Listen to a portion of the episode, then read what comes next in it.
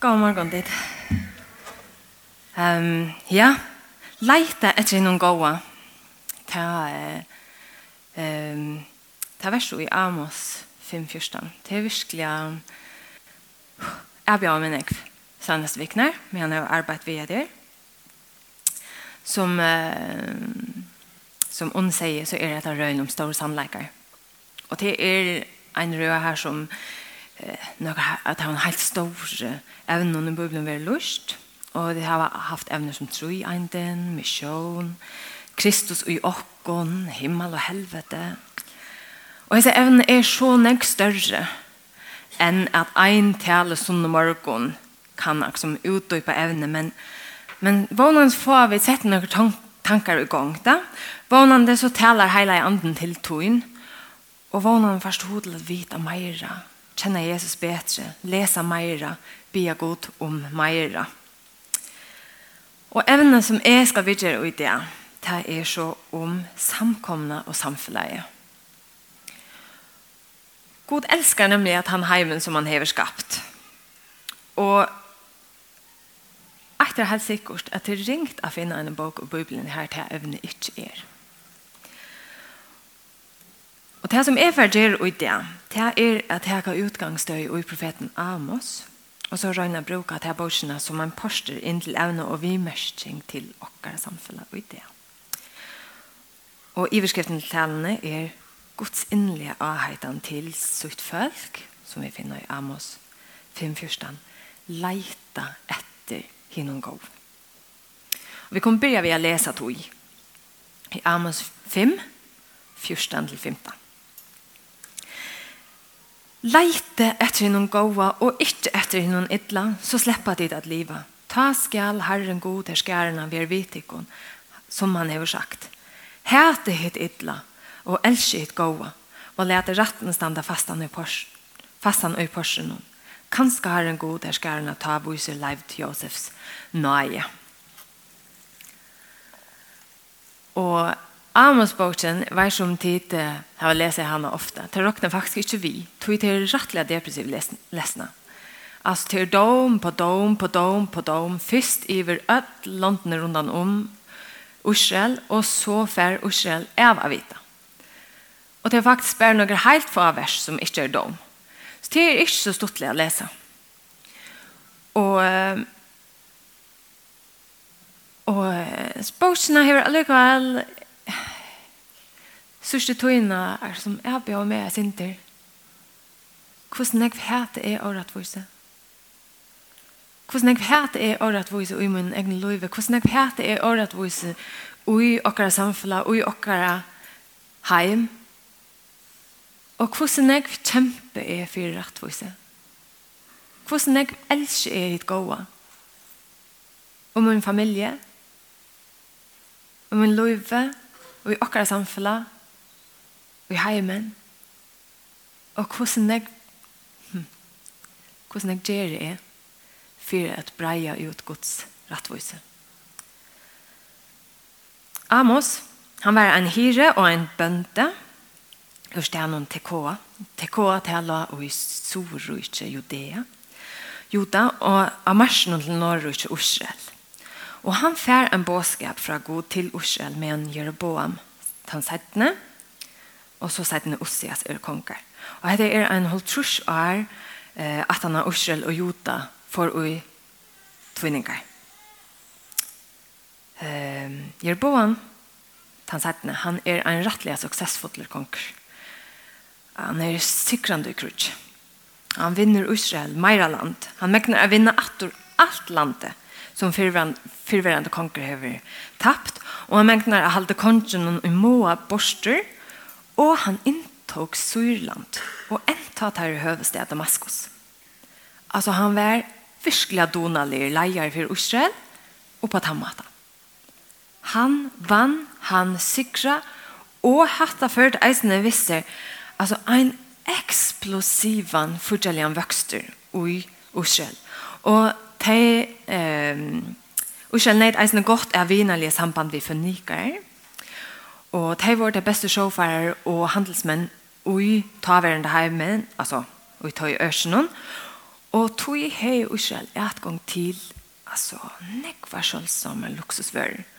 Och livmaten blev erkänt av förbruk och överflöd. Och jag vet inte hur jag säger till årene om akkurat som de tog seg Okkara som fella No, no, no, no, no. Förbruk og överflå. Det var simpelt den här det var. Och luksus vører deilig Mm? Men hända inn og Israel är faktiskt början på ändan. Tror jag att allt det som Israel nu nett gott är, det blev inte brukt till det gåva. Moralsk så datt samfunnet mer og mer fra hverandre. Jeroboam, den første, han var den første kongren Norrøyke. Og han har bygd tvei tempel. Nå det er ikke langt kun tilbe i Jerusalem, her som tempelet var, bygde han tvei tempel. Eit og Dan og eit og Betel, som var stø her som ikke er langt tilbo god. Um, og her setter han en godkalv. en godkalv i hver tempel. Og det var nekv, altså man hever undret sin nekv av hva han gjør det til. Og, det peker sin tru atter til Aron, som gjør det en god kolver til, til Ursals folk, ta det vår og, og i øyemørsene. Uh, og så med det halte at han gjør det en hmm, et visst. Han tok en god kolven som var et symbol som ble brukt i London rundt om seg, og så brukte han det som et symbol på god Og så var det inte att han märskligen mix här en löjen blandning av jødisk godstyrskan och och eh, myntamal och syvenjon som luktes främmande London rundt om temmarna. Och som tog en jack så blev templen ett sted här som flyer og flyer är god och blev Og jeg er boam han settene, som nu var konkor han lät bygges tempel tempel och altar om alt land til goder som bal, største, og enta til goden målok, som kravde badnaoffer.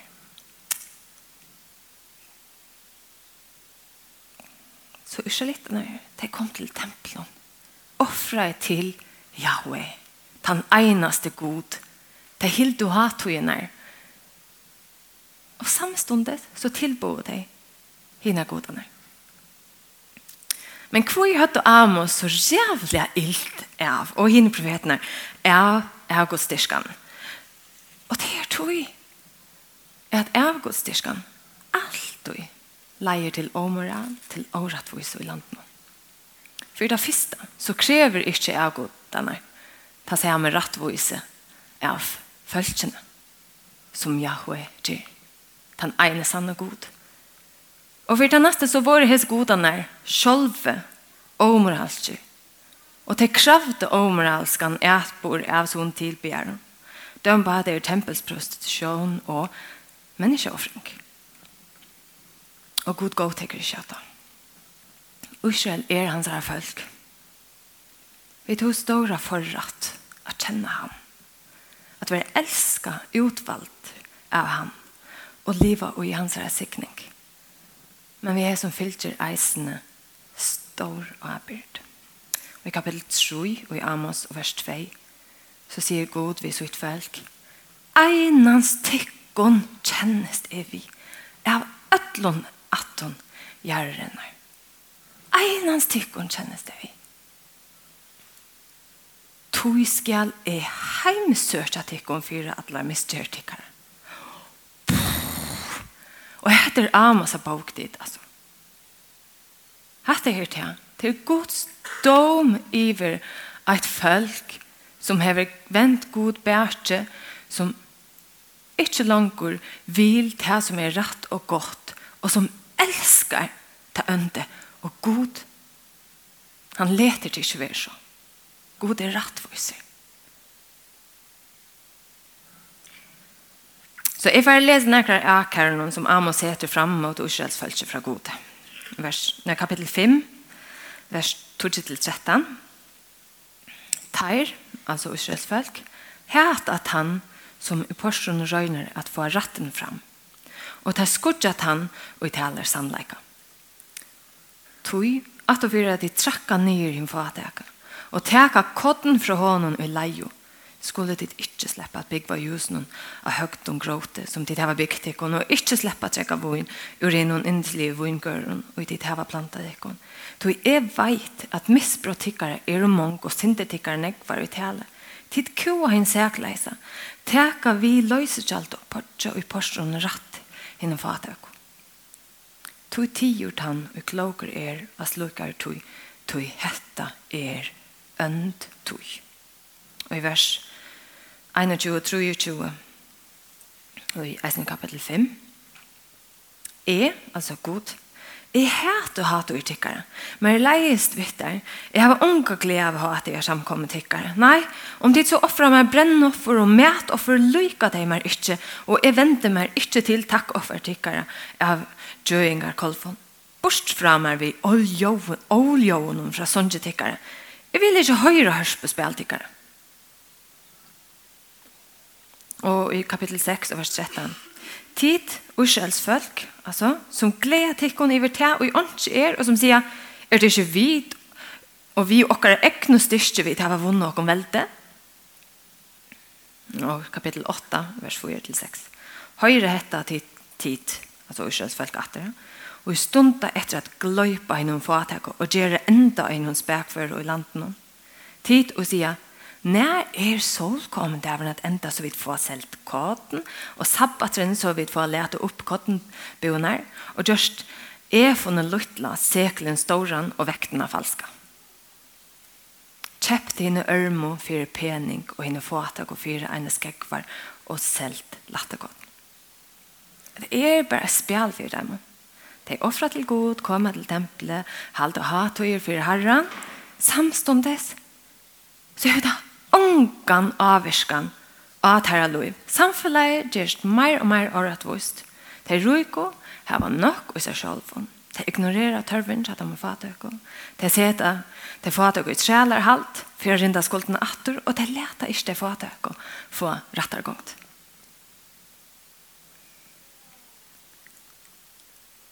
Her er ein her er nærka av fasaden som er så pen og så flott.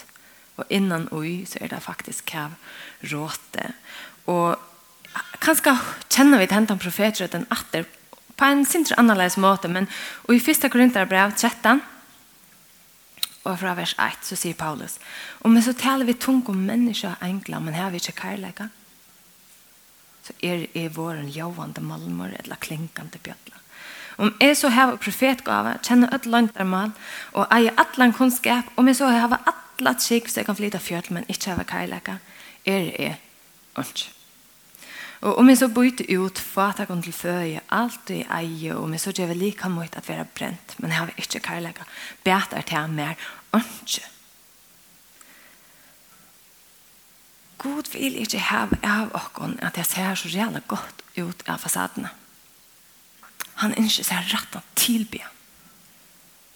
Gjørst du som er halka til hans herre, og som tog være fyllt av hans herre kærleika. Og tog bøner og byr Guds ut folk, og man venter vi. Han sier, tilby meg og bæra meg. Og hvor? Jo, tog at god er god. Og tilby han av honom. Sånn tilby han vil alt du gjør nækka vi okkom. Det vil føre til rett og rettvise.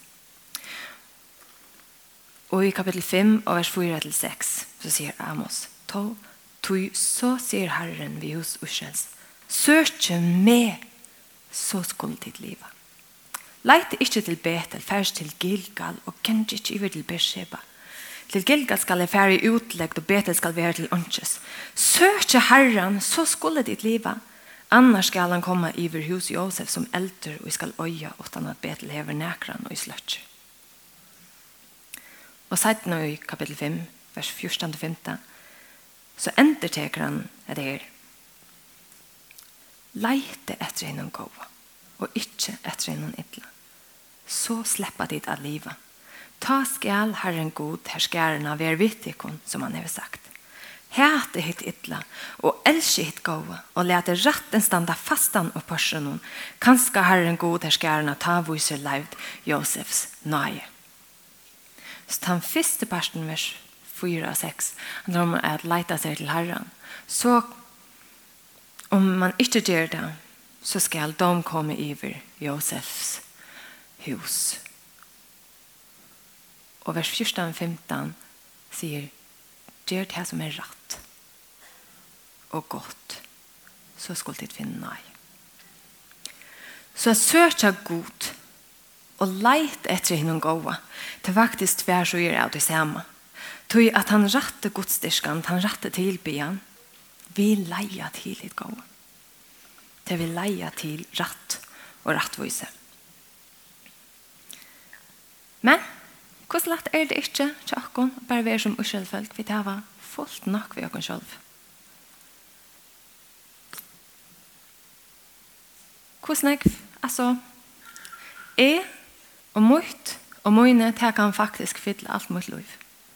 Utan tropleikar. Og jeg må vikenga til å gjøre det ofte.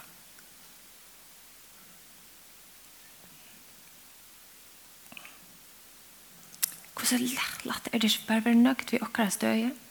Vi som har finnet alt, vi som har vært her som har kontorver, som bygger et trygt samfunn, som har gått baklant. Hvordan nevnt er det ikke være nøgt? Bare?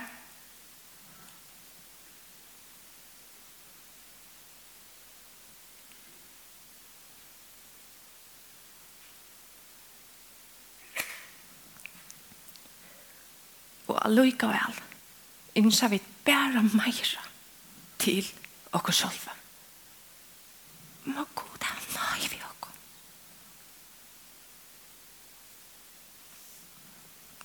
orsaka. Og i Amos 5, 24, så sørger vi hvordan god innskjer at hans folk skulle være hva han ikke skal eikjenne hans folk. Tal jeg var ganske sint løy, jeg skal røyne og forklare det. 5, 24, i Amos, nei, dommeren skal komme fløyende som vatten, rattvoisen som løker, og i aldri toppner opp. tilbyen av god alene leier til rattvise.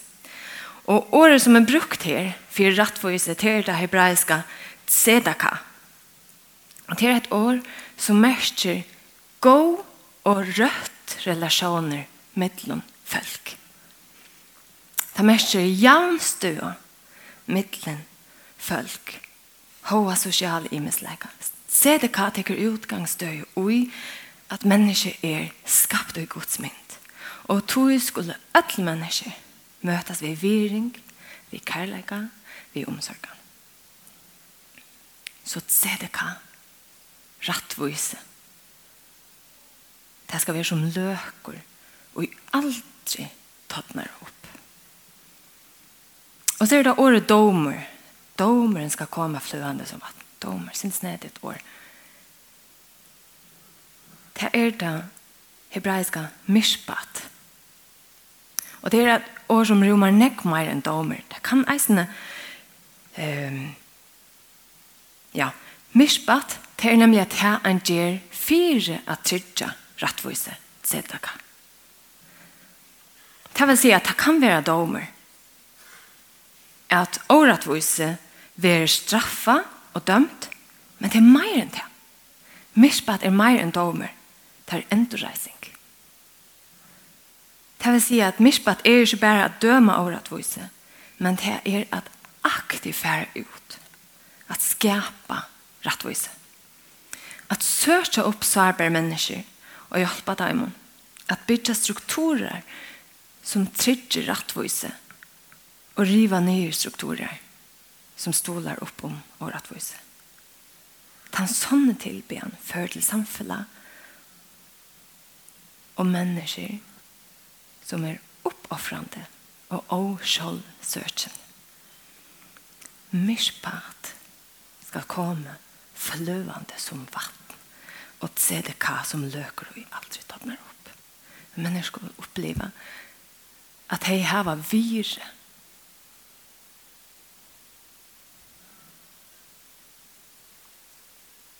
Og det kan sørges etter ut i et brennende politiske engasjement. Om det er til høyre eller vinstre eller mine, det er ikke så lønner som det er rettet som du brenner for. Guds rettvise. Og Guds endoreising.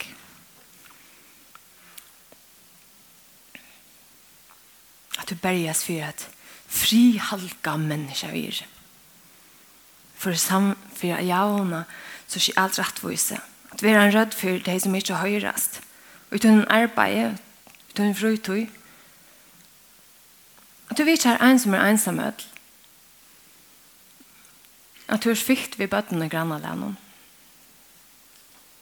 Det kan sørges etter ut hun arbeid om det som jurist, eller og en handel, eller banka folk, som lakne, som lærere, som sjukrøktføringer, som hjelper folk, og en det er stånd. Kvært som helst. Så langt som det heter som jeg kjenner rattvise og endreising. Og god innsett okkara godstyrka nemlig jeg skal surtast atter ui okkara liv, som frukter ui okkara liv. Avvøkster som er god til beha og som er samflandliga. Jeg halte at uh, nega hetta til er det som Galatarbrevet skildra fyrir okkon i vers, nei, kapitel 5, og vers 22 og 23. Galater brev 5 og 22 og 23. Men avvokser andans er kærleitje, glede, frier, langmål, mildleitje, gøska, trofeste, spekføre, frahalt. Måtes løykon er loven ikke. Men for Israels folk vant av bærdomer. Det tragiske av er at de omgang tog vind vi. Og en fjord år, Sætne så kommer Assyria og Norrøyke kvarver som felt på land. hvis du ikke er det til og i søvnene. Men i enda noen er Amos, så er det løyte glemt. Det, det er pikkløyt. Det er bare noen helt få vers. Glimt er vågen.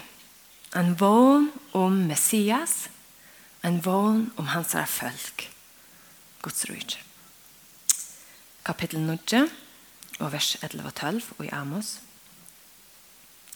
Tante skal e, sier Gud. Reisa opp attor fallna hos Davids. Jeg skal mure attor river tess. Reisa attor tess om nybrot er av tog og bygja ta opp attor som i gamle døvån så de var tidsi i åkne til som etter er av edom, og alle heitninga følgjene og i navn mot er nevnt iver, sier Herren, han som gjør hatta. Vit er hun. Som godsbøten, som samkommer gods, som perser av gods rydde, bøyen at lære av Israels svøk, og falska tilbyen, og vende åkken til god og i rett tilbyen, en tilbyen som alltid vil leie oss til at kjempe for rettvise og at elske oss nest.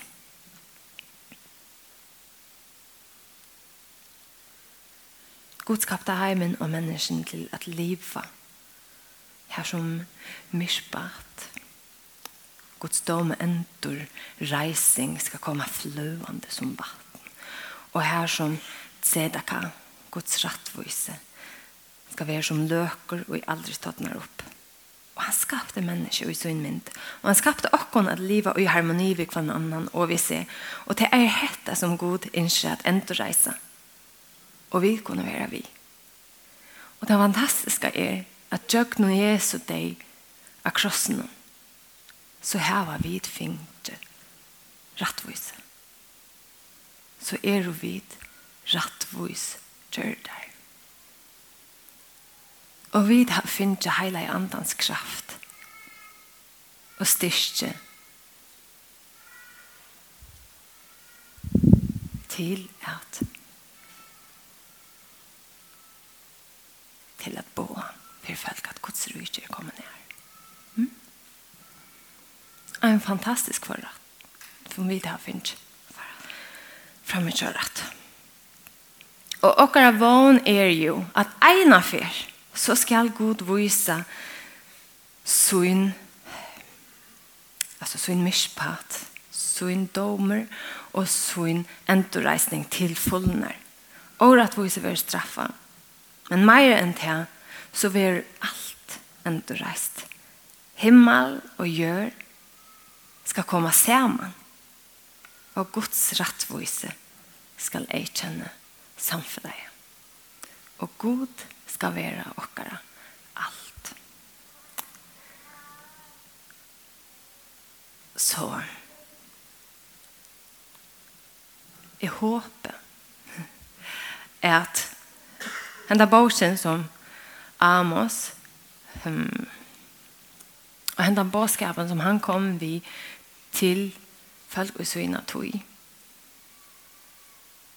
eisen kan tala til okkon, at han kan erbjør okken til at um, enderskå okkara liv. Og i ta luttle og, og i ta større. Og at eisene kan uh, gjøre okken mot på det. At vite at her, at vi har god vi okken.